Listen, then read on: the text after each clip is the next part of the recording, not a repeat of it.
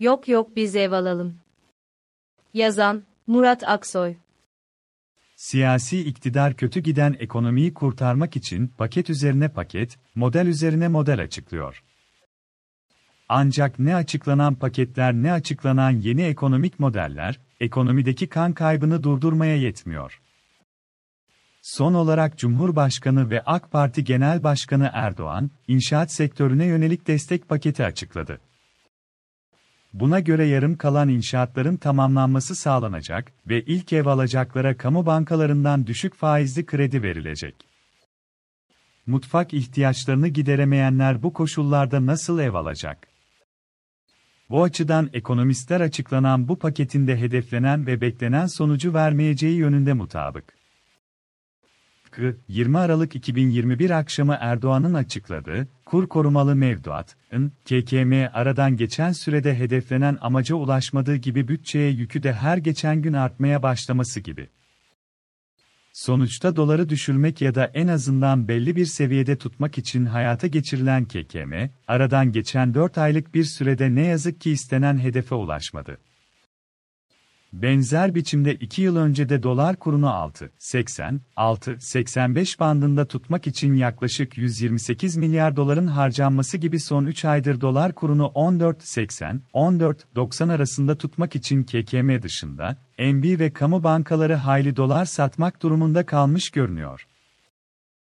Dahası bu hamle, dolar tüm dünyada diğer para birimleri karşısında değer kazanırken yapıldı. Sonuçta gerçekler hedeflenenlere galebe çaldı. Dolar 14.90 direncini kırdıktan sonra hızla 15'in üzerine çıktı. Bu yazı yazıldığında 15.30'un üzerinde. Yükselişin sürmesi de sürpriz olmayacak. Bütün bu gerçeklere rağmen Erdoğan da, Hazine ve Maliye Bakanı Nurettin Necati de, MB Başkanı Şahap Kavcıoğlu da dünyada ve Türkiye'de yaşanan gelişmelerden bir habermiş gibi açıklamalar yaparak, gerçekleri değil kendi hayallerini toplumla paylaşıyorlar.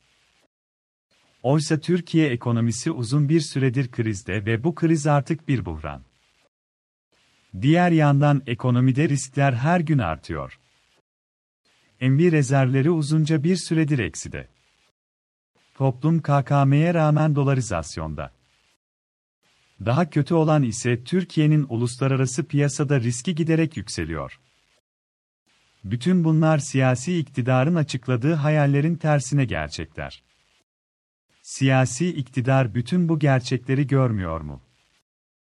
Görmesine rağmen tedbir mi alınmıyor yoksa alacak tedbir mi yok? Bunların cevaplarını bilmiyoruz. Ama şunu biliyoruz, Erdoğan ekonominin iyi olmasını satılan buzdolabı, cep telefonu sayısıyla açıklıyor. AK Partili yetkililer dünyada Türkiye'yi çekemeyenler olduğu söylüyor.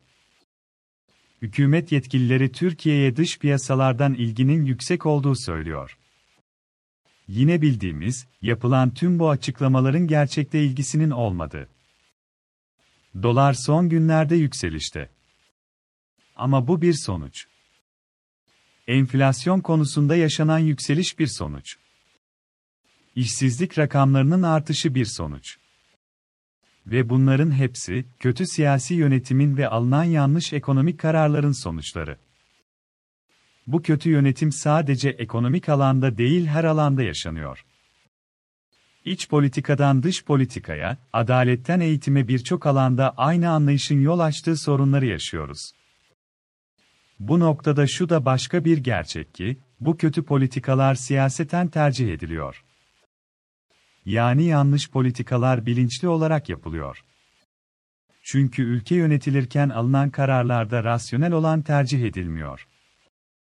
Alınan tüm kararlarda tercih, rasyonel olandan değil kısa vadeli olarak iktidarın siyasi ömrünü uzatmaya dönük.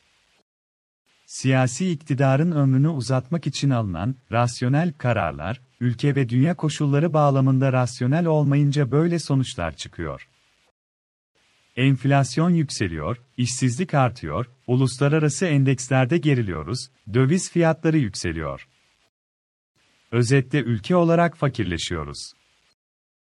Ama siyasi iktidar yetkilileri hala Türkiye'nin uçtuğunu iddia edip, dünya Türkiye'yi kıskanıyor, söylemini sürdürmekte beis görmüyorlar. Siyasi iktidara yakın kalemler ve sosyal medya hesapları dövizin artışından, ekonominin kötü gidişinden toplumun bir kesimin sevindiği algısını yayıyorlar. Oysa bu da gerçek değil. Görmek istemedikleri gerçek şu, siyasette olduğu gibi ekonomide bilerek yanlış tercihler yapılıyor ve sonuçta ülke fakirleşiyor. Enflasyon arttıkça, döviz fiyatı arttıkça 84 milyon olarak hepimiz fakirleşiyoruz. Elbette aramızda kaybetmeyenler var. Elbette yaşadığımız hiçbir sorun çözümsüz değil.